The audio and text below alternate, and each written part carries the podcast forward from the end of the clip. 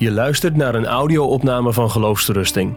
De video die bij deze opname hoort kun je vinden op onze website. Goed, we gaan naar uh, een tweede lezing. De andere twee woorden die we nog niet hebben uh, overdacht en besproken. Ik ga nu eerst in op dat woordje ik. Hoe kan ik geloven? In die eerste lezing heb ik duidelijk gemaakt wat geloof is en daarmee ook wat ongeloof is. Je hebt vast vaak horen zeggen, je moet geloven, maar je kunt niet geloven. We hebben de plicht om Jezus aan te nemen, maar we kunnen het niet. En daarom word jij veroordeeld voor jouw ongeloof. Ik heb zeker ook de laatste paar maanden zoveel mensen gesproken die, als ik doorvroeg, zeiden: Ik vind het zo oneerlijk. Ik voel van binnen zoveel vijandschap en wrok en boosheid. Als ik dit hoor, ik durf dat eigenlijk niet openlijk te zeggen, maar ik vind het oneerlijk. Ik moet geloven, maar ik kan niet geloven en dan word ik veroordeeld voor mijn ongeloof. Ik ga verloren om eigen schuld en door eigen ongeloof, maar het voelt helemaal niet als schuld. Nou, houd dat vast. Want dit hoofdstuk laat ons wat anders horen. Er zijn eigenlijk zou ik kunnen zeggen, drie, drie partijen in dit hoofdstuk. Nee, eerst nog even wat anders. Ik kom daar zo op. Eerst nog even wat anders. Wat dit hoofdstuk zegt, is dat geloof een bewuste daad is met ons volle verstand, die wij vrijwillig doen om Jezus als het licht van de wereld te aanvaarden, te erkennen en ons aan Hem toe te vertrouwen. Dat zagen we bij deze man. Wie is hij, heren, zodat ik hem kan geloven? Jezus zegt, ik ben het. En hij aanbad hem. Dat is geloof. Ongeloof is dus ook een bewuste daad met je volle verstand en met je wil erin betrokken, waarin jij Jezus afwijst. Ongeloof, dat vind je bij die fariseeën. We lezen al eerder in hoofdstuk 5 van dit Bijbelboek dat Jezus die fariseeën ontmoet en tegen hen zegt, u wilt tot mij niet komen, opdat u het leven zou hebben. U wilt het niet. Nou, zouden die fariseeën toen gezegd hebben, ja maar Jezus, dat klopt niet. Ik kan het niet, maar ik zou eigenlijk best willen, of zo. Ik denk dat die fariseeën hadden gezegd, nou Jezus, dat klopt. Wij willen ook niet. Dus dat was niet iets wat Jezus alleen zei en waar zij eigenlijk een beetje hè, monddood werden gemaakt. En ja, dat is de rechtzinnige leer. Ze zouden dat gezegd hebben. Wij willen dat ook niet. Nou, wat betekent dat voor ons vanavond? Als jij vanavond ongelovig bent en ongelovig blijft, dan is dat een keuze. De zonde is niet dat je blind geboren bent, maar dat je blind wilt blijven. Dat zegt Christus in dit hoofdstuk. Dat zeg ik vanavond ook. En er is nog een derde iemand die dat ook beaamt, en dat ben jij. Dat is ongeloof. Ongeloof wil zeggen dat je zegt, ja, ik wil ook niet naar Christus komen. Ik wil liever blind blijven. Dus ja, ik breng vanavond het evangelie zo eenvoudig mogelijk. Maar er zit ook wel een risico aan. Heb je dat bedacht toen je hier naartoe kwam vanavond? Want hoe eenvoudiger het evangelie is, des te meer zul jij moeten erkennen. Ja, als ik nu nog steeds niet ziende wil worden, dan is dat mijn eigen, eigen schuld. Jezus heeft gelijk dat ik niet wil komen. Heeft gelijk. Dus we staan vanavond op die tweesprong tussen geloof en ongeloof. En we stellen elkaar de vraag, wie ben ik nu in deze geschiedenis? Hoe kan ik geloven? En we moeten die vraag stellen omdat Johannes zelf in hoofdstuk 20, vers 31, dus dat is bijna helemaal aan het einde van zijn Bijbelboek, zegt ik heb niet alles opgeschreven wat Jezus heeft gedaan, maar deze tekenen Weer dat woord, die tekenen, die wonderen. Deze tekenen zijn beschreven opdat u gelooft. Dus hij komt als het ware door het papier van de Bijbel heen. En hij zegt, lezer van het evangelie naar de beschrijving van Johannes. Ik richt mij tot u, deze dingen heb ik opgeschreven, opdat u gelooft dat Jezus de Christus is, de Zoon van God. En opdat u door te geloven het leven hebt in zijn naam. Dus wij moeten die vraag stellen, wie ben ik in deze geschiedenis? Nou, er zijn drie opties. De eerste is dat jij zegt, ik ben als die blind geborene. Ik herken mijn blindheid. Ik ben het altijd geweest van jongs af aan. Ik kan mijzelf niet genezen. Ik kan het niet. Ik verlang ernaar om te zien. Ik gehoorzaam Jezus. Dan word jij ziende. Dat is de eerste optie. De tweede is dat je zegt, ik ben als de fariseeën. Ik heb wel godsdienst, maar zonder geloof. Ik geloof wel in God, maar buiten Jezus om.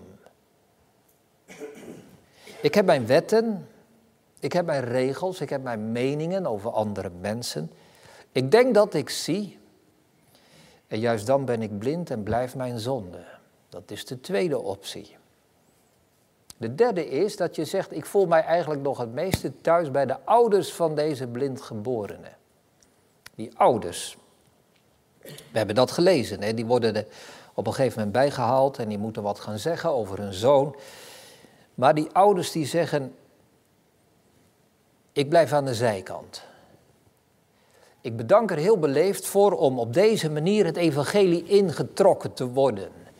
Houd ons er maar buiten. Ja, het is onze zoon. We zijn blij dat hij weer kan zien.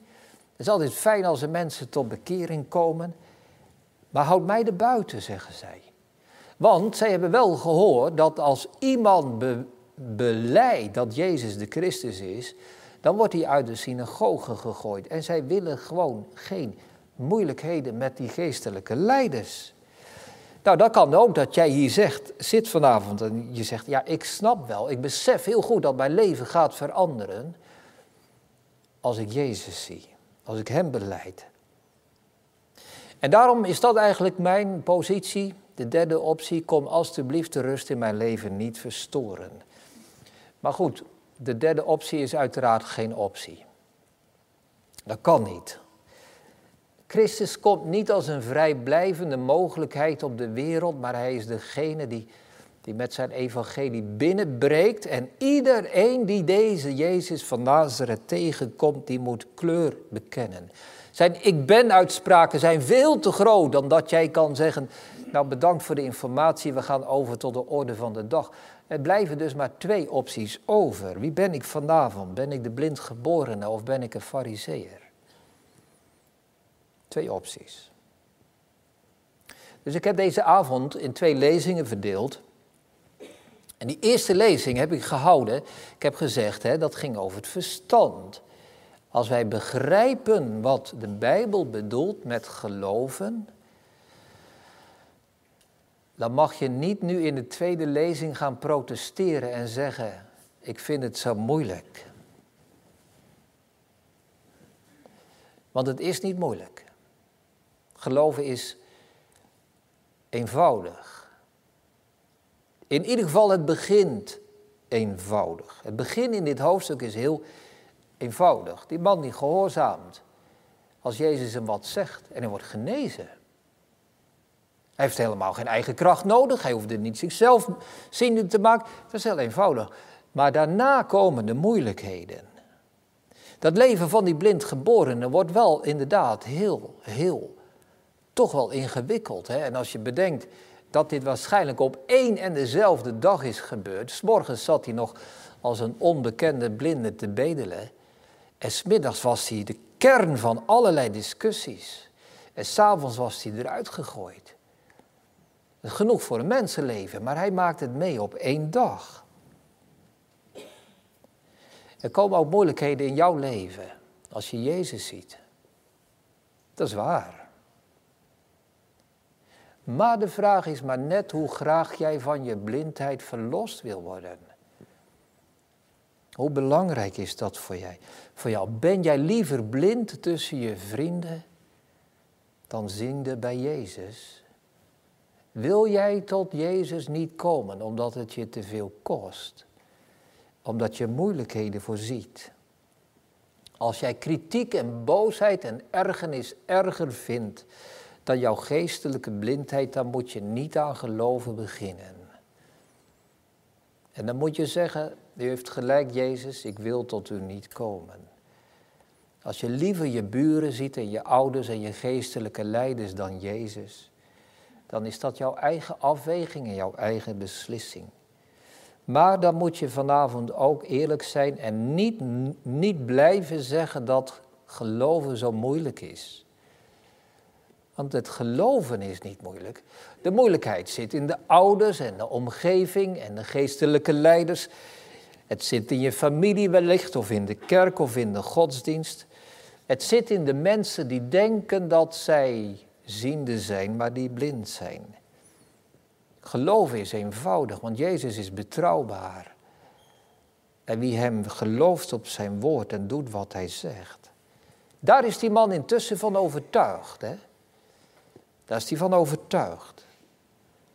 En de vraag is dus deze, bij dat woordje ik. Hoeveel is het jou waard om dit te beleiden over Jezus en te blijven beleiden?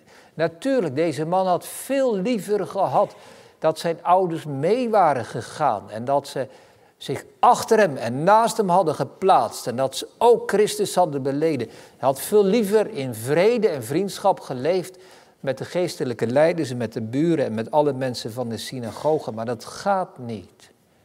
Dat gaat niet. Want de Bijbel zegt, Psalm 2, dat de heidenen woeden en dat de koningen opstaan tegen God en tegen zijn gezalfde. En dat merkte deze man. Die weerstand die hij onderging was niet te vermijden. Dus wij lezen in dit hoofdstuk, vers 34, dat de man een outsider wordt. Hij wordt eruit gegooid. Hij doet niet meer mee. Hij ligt eruit. Dus bekeerd worden, hè, dat is niet een gebeurtenis waar iedereen jaloers op jou wordt omdat jij bekeerd bent. Maar het is offers brengen, het is veracht worden, het is afgewezen worden. Het is er buiten staan. Die man die moet daar gezeten hebben, is een eentje buiten de synagoge, wellicht buiten de stad. En hij is teleurgesteld in zijn ouders en teleurgesteld in de godsdienst. En hij is verdrietig, want hij is alleen. En hij is pijnlijk getroffen door die scheldwoorden en die minachting. Ook na zijn genezing, nog steeds zeggen ze: Jij bent een zondaar, jij bent in zonde geboren. Zo begon het hoofdstuk. Met de discussie: heeft deze gezondigd of zijn ouders? Maar hij ziet intussen, en nog steeds zeggen ze: Jij bent zo'n zondaar. Hij kan het niet begrijpen. Het heeft hem verbijsterd, want we lezen dat in vers 18, hè, dat die fariseeën bij hem komen. De Joden dan geloofden niet van hem dat hij blind geweest was en ziende was geworden. Dus dan gebeurt er een wonder. Als nog nooit in de wereldgeschiedenis had plaatsgevonden, dat vertelt hij zelf. En wat doen die fariseeën? Die zeggen, wij gaan ons best doen om aan te tonen dat deze man nooit ziende is geworden. Ze waren er echt niet blij mee dat hij wedergeboren was. Maar, maar, met al zijn verdriet en alle teleurstelling, alle pijn die deze man ervaart, zou hij terug hebben gewild? Nee. Eén ding weet hij, dat hij vroeger blind was en dat hij nu ziet. En hoe meer die fariseeën zeggen over Mozes, hè, wij hebben Mozes, wij zijn discipelen van Mozes. Jij bent de discipel van die Jezus. Wij weten dat God aan onze kant staat. Maar hoe meer ze tegen hem inbrengen, hoe zekerder hij wordt van zijn geloof. En bovendien, dat is eigenlijk nog wel het, misschien wel het, het beste middel voor ons ook, om, om alle kritiek en alles wat er kan gebeuren als je in Jezus gaat geloven, zijn plek te wijzen. Eigenlijk is de kritiek niet persoonlijk bedoeld. Want het gaat niet over deze blindgeborene, maar de weerstand zit tegen Christus. Deze fariseeën gunnen die man het licht in de ogen niet, omdat zij het licht van de wereld niet willen. En dat kan zo'n enorme ontspanning geven. Als jij kritiek krijgt, en je krijgt het als je in Jezus gelooft, als jij wordt afgewezen, als jij er buiten ligt, het is niet persoonlijk bedoeld. Het is uiteindelijk helemaal geen kritiek op jou. Het is kritiek op de Heer Jezus. En dat geeft heel veel ontspannenheid, want dan hoef je jezelf ook niet te verdedigen en je hoeft jezelf niet te bewijzen. Je hoeft helemaal niets.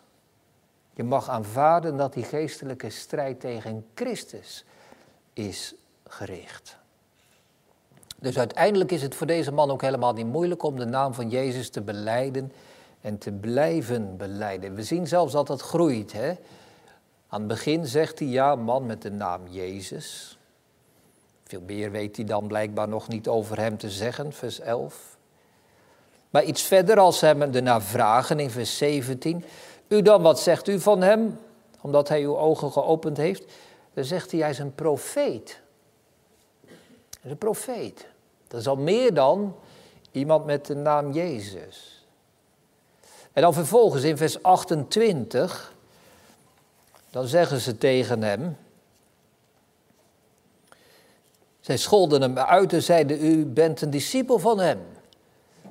Dus dan is hij nog een stap verder. Hij is niet alleen dat hij zegt dat is een profeet, maar hij is zelf een leerling, een discipel van Jezus geworden. Als hem daarna uit de synagoge werpen, wat zij doen, vers 34, dan lezen wij dat in verband met vers 22, als iemand zou beleiden dat hij de Christus was. Dus blijkbaar heeft die man intussen ook dat beleden. Die man met de naam Jezus is een profeet. Ik ben zijn leerling. Hij is de Christus. En dan aan het einde van dat hoofdstuk, tenslotte, ik geloof, heren. Dan beleidt hij Jezus als de zoon van God. Nou, die tweesprong heb ik gezegd, hè. Geloof en ongeloof. Wil jij vanavond de zijde van de fariseeën kiezen? Dat kan. Dan zeg je dat Jezus niet het licht van de wereld is dat hij niet de Christus is, maar dat hij een zondaar is, want dat zeiden die fariseeën, wij weten dat hij een zondaar is. Kies jij vanavond bewust en gewillig voor ongeloof? Denk je dat de hele wereld nog steeds duister is, omdat er geen licht schijnt? Heb je liever blindheid dan genezing? Heb je liever duisternis dan licht? Het is radicaal, het is geloof of ongeloof. Maar dat is juist een extra reden, hoop ik, voor jou, voor u vanavond. Om te zeggen, als het zo radicaal ligt, dan wil ik net als deze man mij uitspreken en zeggen, ik geloof, heren. En zo komen we bij dat laatste woord, hoe. Hoe kan ik geloven? Ja, maar hoe dan, zegt iemand. Hoe dan? Hoe doe ik dat? Hoe kan ik geloven? Nou, dat woordje hoe is het laatste woordje dat ik vanavond bespreek. Enerzijds is dat een heel begrijpelijk en een goed woord, want ik hoop dat dat zo is. Als je die vraag stelt, hoe kan ik geloven, dan spreekt daar verlangen uit dat je zegt, ik wil geloven en laat mij zien hoe ik dat kan doen. Maar er zit ook een keerzijde, een schaduwzijde aan het woordje hoe. Het kan ook gevaarlijk zijn, want die fariseeën in dit hoofdstuk zijn degenen die in dat hoe zijn geïnteresseerd. Telkens weer zeggen ze dat. In vers 15 komen ze bij deze blindgeborene. Opnieuw vroegen nu ook de fariseeën hem hoe hij ziende was geworden. En in vers 19, ze vroegen hen, is dat uw zoon van wie u zegt dat hij blind geboren is? Hoe kan hij dan nu zien? In vers 26 komen ze weer terug. Ze zeiden opnieuw tegen hem: Wat heeft hij met u gedaan? Hoe heeft hij uw ogen geopend? Dus deze fariseeën die hebben eigenlijk maar één vraag. Hoe? Hoe is dat gegaan? Vertel ons hoe u ziende bent geworden. Ze vinden eigenlijk de vraag dat hij ziende is geworden niet zo belangrijk. Het gaat allemaal over hoe. Die blindgeborene wordt het ook zat, hè? die zegt, vers 27, ik heb het u al gezegd, maar u hebt niet geluisterd. Waarom wilt u het nog eens horen? Wilt u soms ook zijn discipelen worden? Hij maakte nog een grapje van, maar dat grapje wordt niet gewaardeerd. Ze geven hem scheldwoorden, ze scholden hem uit, vers 28. Nou, dat zie je dus dat het woordje hoe ook een valkuil kan zijn. Hè? Het gaat dus niet over de vraag vanavond, hoe verloopt nu dat proces van de wedergeboorte en wat is er eerst en wat is er daarna en hoe gaat het daarna verder? Die vraag moeten we niet stellen. Hoe word ik ziende? Maar wel de vraag, hoe kan ik geloven? Dat is de vraag die de man ook stelt aan het einde van het hoofdstuk. Daar gaat het om. Ik hoop dat, je dat, ik hoop dat ik jou mee heb kunnen nemen, zo door dit hoofdstuk, door Johannes 9 heen, over geloof en over wedergeboorte, over het licht van de wereld. Ik hoop dat je hebt gezien vanavond dat, dat ook jij recht tegenover Christus staat. Dat wij midden in dit hoofdstuk onze plaats hebben. En ik hoop dat zo die vraag, hoe kan ik geloven, het verlangen van jouw hart aangeeft. Opnieuw gaan we kijken naar dit hoofdstuk. Hoe doet Jezus dat? Wat zegt hij? Wel, aan het einde van het hoofdstuk stelt hij deze man een eenvoudige vraag in vers 35. Jezus hoorde, Jezus hoorde dat zij hem uit de synagoge geworpen hadden. En toen hij hem gevonden had, zei hij tegen hem: Gelooft u in de Zoon van God? Hij stelt een gesloten vraag, zie je dat? Geen open vraag waar die man alle kanten mee op kan, maar een gesloten vraag. Gelooft u in de Zoon van God? En die man die vraagt daarop, wie is hij dan? Zodat ik in hem kan geloven. Die man die wist wel dat Jezus profeet was. En hij hield hem voor de Christus. Maar, maar zou hij werkelijk de enige geboren zoon van God zijn? God die mens geworden is? Kan hij God zelf zien als hij Jezus ziet? Hij wist het niet, hij vraagt ernaar. God uit God, licht uit licht. Wie is hij? En dan komt het antwoord van Jezus, die u gezien hebt, die met u spreekt, die is het. Ik ben het. Ikzelf ben het. En dan komt het duidelijke en het eenvoudige antwoord van deze man. Vers 38. Hij zei, ik geloof, heren. En hij aanbad hem. Hij valt voor hem neer en hij geeft de eer aan Jezus die God alleen toekomt. Maar het mag, want Jezus is God. Nou, hoe kan ik geloven? De vraag van deze avond. Hoe kan ik geloven? Door de vraag van Jezus te beantwoorden. Hoe kan ik geloven? Jezus vraagt jou, geloof jij in de Zoon van God? Hoe kan ik geloven? De antwoord te geven. Zeg je net als deze man, ik geloof hier, dan geloof je. Dan ben je ziende gemaakt. Dan ben je wedergeboren. Dan ben je van blindziende geworden. En dan breekt het licht van de wereld door in jouw duisternis.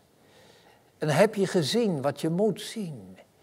Dan zie je Jezus. Dan mag je net als deze man zeggen, één ding weet ik, dat ik blind was. Maar dat ik nu Jezus zie.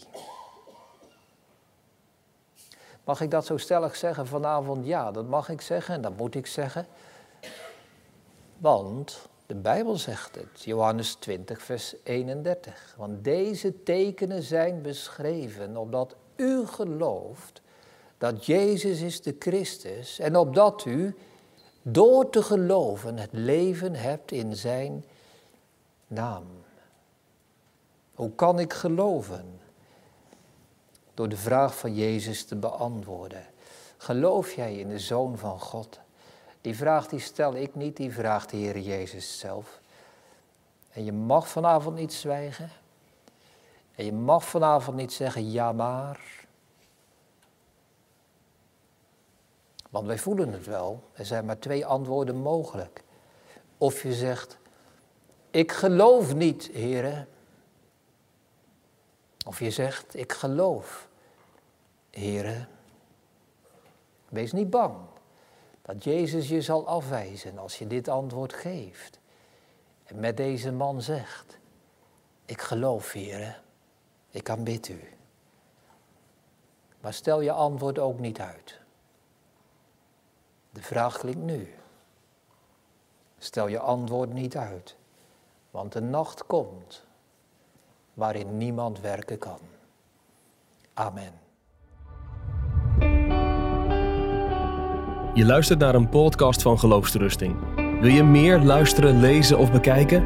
Steun dan ons werk en ga naar de website geloofsterusting.nl.